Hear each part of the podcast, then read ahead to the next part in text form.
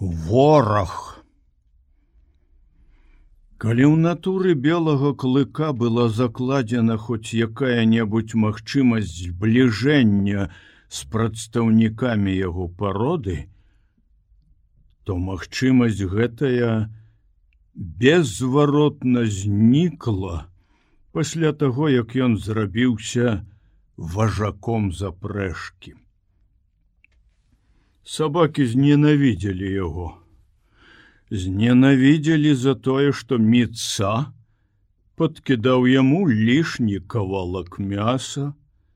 Зненавідзелі за ўсе тыя сапраўдныя і ўяўныя перавагі якімі ён карыстаўся за тое што ён заўсёды бег у галаве запрэшкі даводзячы іх да шаленства адным выглядам свайго пушыстага хваста і мільгаючых ног.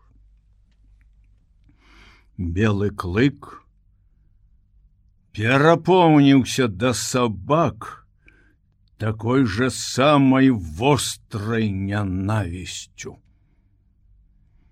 Роля важака запрэшкі не прыносіла яму ніякай прыемнасці. Ён ледзьве мірыўся з тым, што прыходзіцца бегчы наперадзе сабак, якія тры гады знаходзіліся под яго ўладай. Трэба было цярпець все гэта або гінуць, а жыццю, якое білася ў ім крыніцай, гінуць не хацелася. Як толькі міца, рушыў з месца.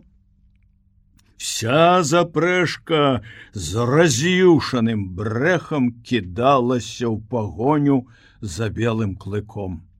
Абараняцца ён не мог. Варта было яму павярнуцца да сабак, як меца сцябаў яго па мордзе пугай. Белому клыку не заставалася нічога іншага, як уцякаць. Адбіваць напад усёй выючай з граі хвастом і заднімі лапамі ён не мог. Такой зброяй нельга абараняцца супраць мноства безлітасных клыкоў. Белы клык нёсся ўперад кожным скачком гвалтуючы сваю прыроду і зневажаючы свой гонар а бегчы прыходзілася цэлы дзень. Такі гвалт над сабой не праходзіць беспакарана. Калі волос, які вырас на целе прымусіць расці ў адваротным напрамку, ён будзе прыносіць боль. Тое ж самае здарылася і з белым клыком. Всёй сваёй істотай ён, ён імкнуўся накінуцца на зграю якая праследавала яго по пятах.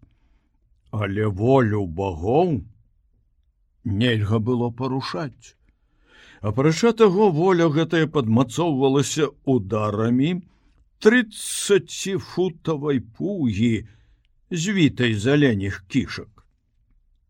Белы клык зносіў усё гэта затаіўшы ў сабе такую нянавісці злосць, на якую толькі была здольная яго лютая натура. Калі жывую істоту і можна было калі-небудзь назваць ворагам сваёй пароды, то гэта адносілася именно да белага клыка. Ён ніколі не прасіў літасці і сам нікога не шкадаваў. Сляды укусаў і нападаў не сыходзілі з яго цела, а сабакі ў сваю чаргу не раставаліся з адзнакамі яго зубоў. У процілегласць многім важакам, якія кідаліся пад абарону багоў, як толькі сабака распрагалі на стаянках. Белы клык пагарджаў такой абаронай. Ён адважна разгульваў па стаянцы, Уначы распраўляючыся з сабакамі за ўсё тое, што даводзілася цярпець ад іх удзень. Раней, калі белы клык яшчэ не быў важаком, яго таварышы па запрэжцы звычайна стараліся не попадацца яму на дарозе. Цяпер становішча змянілася. Пагоня, якая не спынялася ўвесь дзень, Відовішча белага клыка, які імчаўся ўперад, відовішча, якое не выходзіла ў іх з галавы нават на стаянцы, усведамленне, што ўвесь дзень ён знаходзіўся ў іх уладзе, усё гэта не дазваляла сабакам уступаць белому клыку дарогу. Варта было яму з'явіцца сярод зграі, зараз жа пачыналася бойка. Яго прагулка па стаянцы суправаджалася рыкам, грызнёй, віскам. Само паветра, якім дыхаў белы клык было насычана нянавісцю і злосцю. І гэта толькі ўзмацняла нянавісці злосць у ім самім. Калі міца загадваў запрэшцы спыніцца, белы клык слухаўся яго воклічу. На першы час гэтае спыненне выклікала замяшанне сярод сабак. Все яны кідаліся на ненавіснага важака, але тут справа набывала зусім іншы абарот. Размахваючы пугай, на дапамогу белому клыку прыходзіў міца. І сабакі, зразумелі нарэшце, што калі санкі спыняюцца па загаду міца, важака лепш не чапаць. Але калі белы клык спыняўся самавольна, значыць можна было наляцець на яго і ўчыніць над ім расправу. Пасля некалькіх такіх выпадкаў белы клык перастаў спыняцца без загаду такія урокі засвойваліся хутка. Белы клык і не мог не засвойваць іх, інакш ён не выжыў бы в тых незвычайных суровых абставінах, у якіх праходзіла яго жыццё.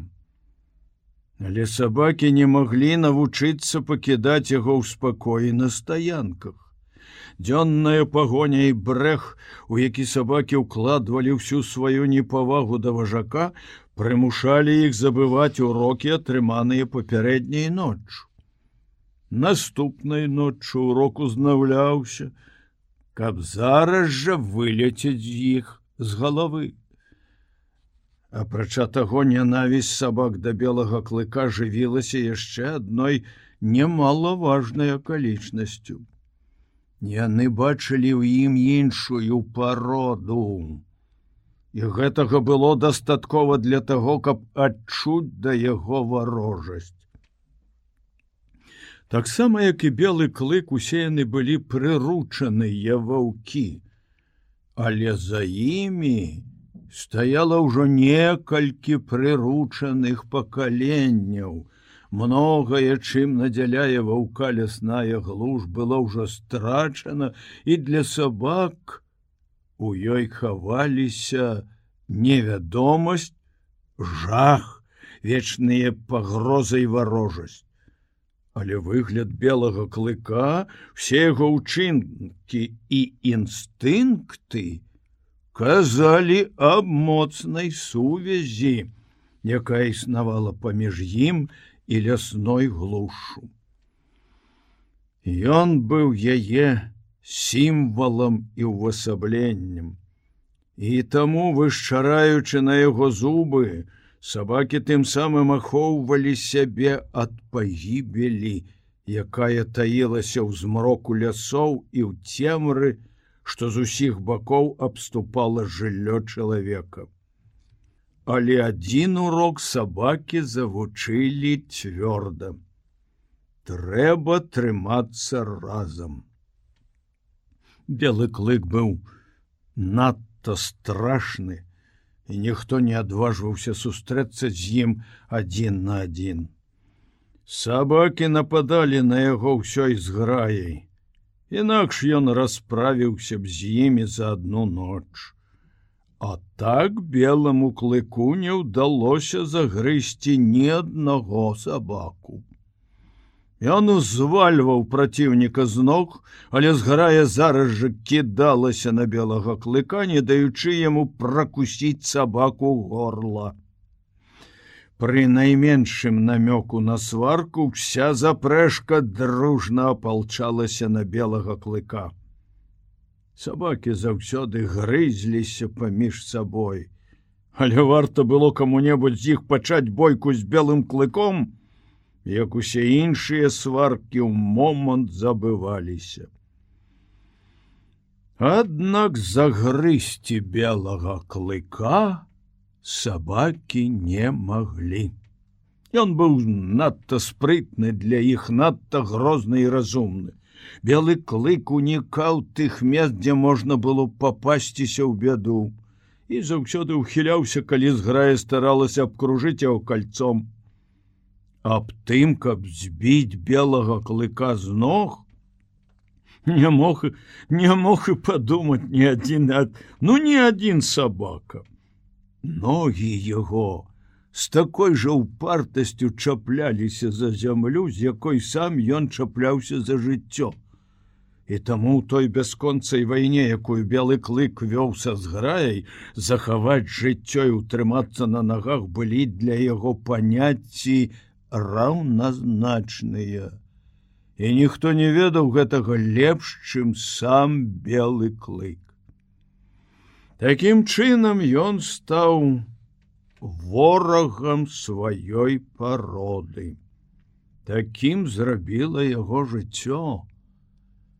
Ён абвясціў крывавую помсту ўсім сабакам і помсціў так бязлітасна, што нават шэры бабёр, у якім было досыць лютасці і дзікасці, не мог надзівіцца злосці белага клыка.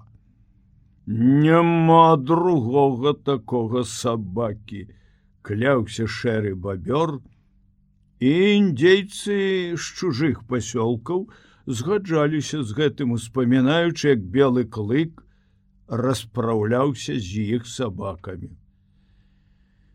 Белому клыку было каля пяці гадоў, калі шэры бабёр зноў узяў яго з сабой у доўгачасовую паездку. У пасёлках ля скалістых гор і ўздоўж Маккензі і парк Юпана аж да самага юкона доўга памяталі, расправы белага клыка з сабакамі. Ён захапляўся сваёй помстай. Чужыя сабакі не чакалі ад яго нічога дрэннага. Ім не даводзілася сустракацца з праціўнікам, які нападаў бы так імкліва і нечакана. Яны не ведалі, што маюць справу з ворагам, які забівае нібы маланка з аднаго ўдару. Сабакі ў чужых пасёлках падыходзілі да белага клыка з задзёрыстым выглядам, натапырыўшыся, А ён, не трацячы часу на цырымоніі, кідаўся на іх з імклівасцю сталёвай спружыны, якая раскруцілася, хапаў за горла і забіваў ашаломленага праціўніка, не даўшы яму апамятацца. Белы клык зрабіўся спрактыкаваным байцом. Он біўся разважліва, ніколі не траціў сіл дарэмна, не зацягваў барацьбы, Ён налятаў, калі здаралася прамахнуцца зараз жа адскокваў назад. Як і ўсе ваўкі белы клык унікаў таго, каб біцца у сутыч з праціўнікам. Ён не зносіў да кранання да свайго цела ў час бойкі. Такая блізкасць праціўнікам хавала ў сабе небяспеку і прыводзіла яго ў шаленства. Ён хацеў быць вольным, хацеў цвёрда трымацца на нагах. Лясная глуш не выпускала белага клыка са сваіх учэпістых абдымкаў і ўстанаўляла свае правы на яго. Адчужанасць ад кампаніі іншых шчанюкоў з ранняга дзяцінства толькі ўзмацніла ў ім гэтую уласцівасць. Непасрэдная блізкасць да праціўніка хавала ў сабе нейкую пагрозу. Белы клык падазраваў тут нешта нядобрае, і страх перад гэтым моцна засеў у яго свядомасці. У выніку ні адзін чужы сабака не мог цягацца з ім. Белы клык ухіляўся ад іхніх нападаў. Ён або распраўляўся з праціўнікам, або уцякаў ад яго і заўсёды заставаўся непашкоджаным. Праўда, няма правілаў без выключэння. Здаралася, што на белага клыка налятала адразу некалькі ворагаў, і ён не паспяваў уцячы ад іх. Часам яму здорова попадала ад якога-небудзь аднаго сабакі. Але гэта была проста выпадковасць. Белы клык зрабіўся такім спрытным байцом, што выходзіў цэлым амаль з усіх боек.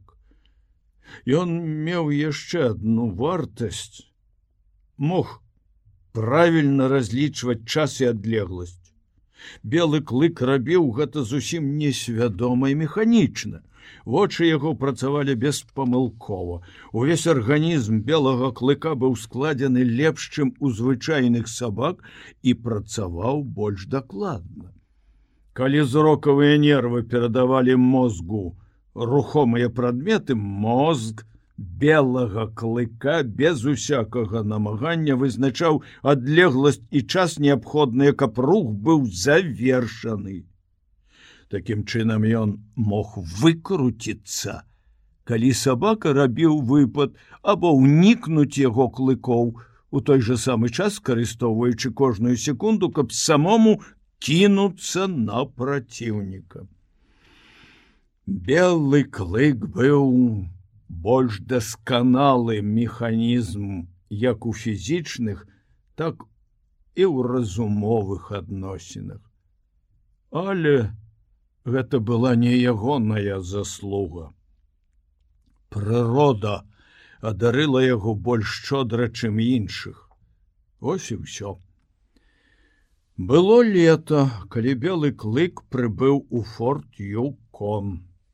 У канцы зімы шэры бабёр перасек горны хребет паміж Макензі юконам і ўсю вясну займаўся паляваннем на заходніх адгор'ях скалістых гор. А калі парк Юпайн ачысціўся ад лёду, Шэры бабёр зрабіў пірогу і спусціўся ўніз па рацэ да месца зліцця яе з юконам якраз пад самым палярным кругам. Тут стаяў форт кампаніі гудзонавага заліва. Форце было шмат індзейцаў, шмат яды, ўсюды панавала небывала ажыўлення. Было лета 1898 года, і золоташукальнікі тысячамі рухаліся вверх па юкону да даўсона і кландайка. Да мэты падарожжа заставаліся яшчэ сотні міль, а між тым многія знаходзіліся ў дарозе ўжо год. Менш 5000 міль не зрабіў ніхто, а некаторыя прыйшлі сюды з другога конца свету. Форце юкон белы клык упершыню бачыў белых людзей. Побач з індзейцамі яны здаваліся яму істотамі іншай пароды, багамі, улада якіх абапіралася на яшчэ большую магутнасць. Эта ўпэўненасць з'явілася ў белага клыка сама сабой, Яму не трэба было напружваць свае разумовыя здольнасці, каб пераканацца ў магутнасці белых багоў. Ён адчуваў яе з незвычайнай сілай. Вігвамы, пабудаваныя індзейцамі, здаваліся яму ў дзяцінстве выяўленнем магутнасці яго багоў. А тут белага клыка здзіўлялі велізарны форт і дамы, пабудаваныя з масіўных бярвенняў. Усё гэта гаварыла аб магутнасці.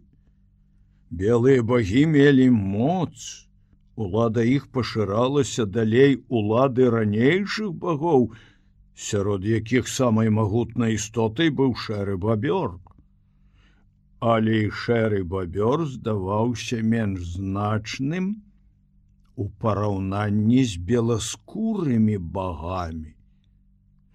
Зразумела, белы клык толькі адчуваў усё гэта і дакладна не мог ясна ўразумець свае адчуванні. Але звяры дзейнічаюць часцей за ўсё на падставе именно таких адчуванняў. Кожны учынак белага клыка тлумачыўся цяпер верай у магутнасць белых богоў. Ён адносіўся да іх з вялікай асцярожнасцю. Хто ведае, якога жаху, якой новай бяды можна чакаць ад іх. Белы клык з цікаўнасцю назіраў за багамі, але баяўся папасціся ім на вочы. Праз некалькі гадзін ён здавальняўся тым, што сноўдаўся навокал і сачыў за імі, на адлегласці. Потым ён убачыў, што белыя багі не прыносяць ніякай шкоды сваім сабакам і падышоў бліжэй. У сваю чаргу белы клык узбуджаў іх цікавасць. Яго падабенства да ваўка адразу ж кідалася ў вочы, і людзі паказвалі на яго пальцамі. Это прымусіла белага клыка насцярожыцца. І калі хто-небудзь хацеў падысці да яго бліжэй, ён шчэрыў зубы і адбягаў у бок. Нікому не ўдавалася дакрануцца да яго рукой і добра, што не ўдавалася. У хуткім часе белы клык зразумеў, што немногія з гэтых багоў, усяго чалавек 12 пастаянна жывуць у форце. Кожныя два-тры дні да берага прычальваў параход. Яшчэ адзін неабвержаны доказ всемагутнасці белых людзей. І стаяў там некалькі гадзін. Белыя багі прыязджалі і зноў ад'язджалі на параходах. Здавалася, што людзям гэтым няма ліку. У першы ж дзень ці два, Белы клык убачыў іх у такой колькасці, у якой не бачыў індзейцаў за ўсё сваё жыццё. Кожны дзень белыя людзі прыязджалі, спыняліся ў форце, зноў адпраўляліся ўверх па рацэ і знікалі з вачэй. Але калі белыя багі былі всемагутныя, то сабакі іх, каштавалі немного. Белы клык хутка пераканаўся ў гэтым, сутыкнуўшыся з тымі сабакамі, якія сходзілі на бераг разам з людзьмі. Все яны не былі падобны адзін на аднаго. У адных былі кароткія надта ну надта кароткія ногі, у другіх доўгія, надта доўгія. Замест густой поўсці, Цела іх пакрывала кароткая, у некаторых скура была зусім гладкая. І ні адзін з гэтых сабак не ўмеў біцца, адчуваючы нянавісць да ўсёй сваёй пароды, белы клык палічыў, што трэба ўступіць у бойку і з гэтымі сабакамі. Пасля некалькіх сутычак ён перапоўніўся найвялікшым зневажэннем да іх. Праціўнікі былі слабыя, бездапаможныя, зараз жа пачыналі брахаць, мітуціцца, стараліся адолець белага клыка толькі сілай. У, та, у той час, як ён браў звычкай і хітрасцю. Сабакі кідаліся на яго звіскам. Белы клык скакаў у бок, яны гублялі яго з вачэй, і ён у тую ж хвіліну налягаў на іх звальваў плячом з ног і пракусваў зубамі горла. Часта укус гэты быў смяртэльны, і праціўнік біўся ў гразі пад нагамі індзейскіх сабак, якія толькі і чакалі момант, калі можна будзе кінуцца ўсёй зграі і разарваць чужога сабаку на кавалку. Белы клык быў мудры. Ён ужо даўно ведаў, што багі гневаюцца, калі хто-небудзь забівае іх сабак. Белыя багіні з'яўляліся выключэннем. Таму, зваліўшы праціўніка з ног і распаласаваўшы яму горла, ён адбягаў у бок і дазваляў зграі дакончыць пачатую ім справу. Подбегали белые люди спаганялі свой гнев на зграі а белый клык выходзіў сухім з воды звычайно ён стаяў збоку і назіраў як яго таварышаў б'юць каменнямі палкамі топарамі і ўсім што толькі трапляецца под руку. Белый клык быў вельмі мудрым але яго таварышы таксама сяму таму навучыліся. І белы клык не адставаў ад іх. Яны зразумелі што самая пацеха пачынаецца ў тую хвіліну калі прычальвае параход пасля таго як два-тры сабакі якія збягалі з парахода на бераг былі разарваны белыя людзі заганялі астатніх назад і пачыналі бязлітасна распраўляцца. Адзін белы на вачах якога разарвалі на дробныя кавалкі яго сабаку сятэра, выхапіў рэвальвер. Ён стрэліў шэсць разоў запары шэсць сабак са зграі, паваліліся ў непрытомнасці. Яшчэ адна праява магутнасці, якая глыбока запала ў свядомасць белага клыка. Белы клык захапляўся ўсім гэтым. Ён не любіў сваіх сабратаў і заўсёды ўхітраўся заставацца ў такіх выпадках цэлым. На першым часе бойкі з сабакамі белых людзей былі для яго забавай. Потым ён узяўся за гэта як належыць. Іншай справы ў яго не было. Шэры бабёр заняўся гандлем, багацеў, і белы клык бадзяўся па прыстані, чакаючы разам са зграяй бяспутных індзейскіх сабак прыбыцця параходаў. Як толькі параход прычальваў да берага, пачыналася пацеха. Калі белыя людзі апамятаваліся ад здзіўлення, сабачая зграя разбягалася ў розныя бакі, пацеха канчалася да наступнага парахода. Аднак белага клыка нельга было лічыць членам сабачай зграі. Ён не змешваўся з ёй, трымаўся ў баку ніколі не страчваў сваёй незалежнасці і сабакі нават баяліся яго. Праўда ён дзейнічаў з імі заадно. Ён пачынаў сваю сварку з чужымі сабакамі а астатнія чакалі воддаль А як толькі праціўнік быў звалены з ног, сабакі кідаліся і даконвалі яго.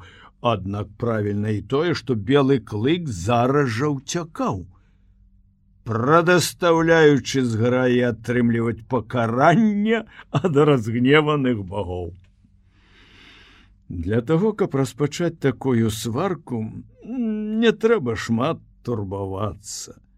Белому клыку варта было толькі з'явіцца на прыстані, калі чужыя сабакі сходзілі на бераг. Гэтага было досыць і яны кідаліся на яго. Так загадваў інстынкт. Сабакі чулі ў белым клыку лясную глуш, невядомасць, жах, вечную пагрозу, чулі ў ім таго самага звера, які хадзіў крадучыся ў цемры, што абкружала кастры. Яны ж, знаходзячыся бліжэй да агню, выхоўвалі ў сабе другія інстынкты і пачалі баяцца лясной глушы, якой здрадзілі і якую пакінулі. Ад пакалення да пакалення перадаваўся сабакам гэты страх. На працягу вякоў лясная глуш пагражала жахам і пагібеллю і ўвесь гэты час сабакі карысталіся правам забіваць усякую істоту, якая з'яўлялася з лясной глуш. Права гэтае было атрымана імі ад уладароў. Так сабакі абаранялі сябе і багоў, якія дазволілі быць ім у іх асяроддзі і таму паўднёвым сабакам, якія збягалі па трапе на бераг юкона, досыць было ўбачыць белага клыка, каб адчуць непераадольнае жаданне кінуцца і разарваць яго. Сярод прыезджых сабак попадаліся і гарадскія, але інстынктыўны страх перад лясной глушу захаваўся ў іх. І калі пры яркім дзённым святле сабакі бачылі звера падобнага на ваўка, то глядзелі на яго не толькі сваімі вачыма. Яны глядзелі на белага клыка вачыма ўсіх продкаў. І памяць, атрыманая ў спадчыну ад папярэдніх пакаленняў, подказвала ім, што перад імі воўк. Да яго пароды яны адчувалі даўнюю варожасць. Всё гэта прыносіла радасць белому клыку. Калі адным сваім выглядам ён прымушае сабак кідацца ў бойку, тым лепш для яго і тым горш для іх саміх. Яны глядзелі на белага клыка як на сваю законную здабычу. Ён гэтаксама адносіўся да іх. Нездарма белы клык убачыў першыню дзённае святло ў логаве і ў першых жа сваіх бойках меў такіх праціўнікаў, як белая курапатка, ласка і рысь. І нездарма яго ранняе дзяцінство было засмучана варожасцю ліп-ліпа і ўсёй зграі маладых сабак. Калі б яго жыццё склалася інакш, Ён сам быў бы іншым. Не было б у пасёлку ліп-ліпа. Белы клык правёў бы дзяцінства сярод іншых шчанюкоў, быў бы больш падобны на сабаку і з большай цярплівасцю адносіўся б да сваіх суродзічаў.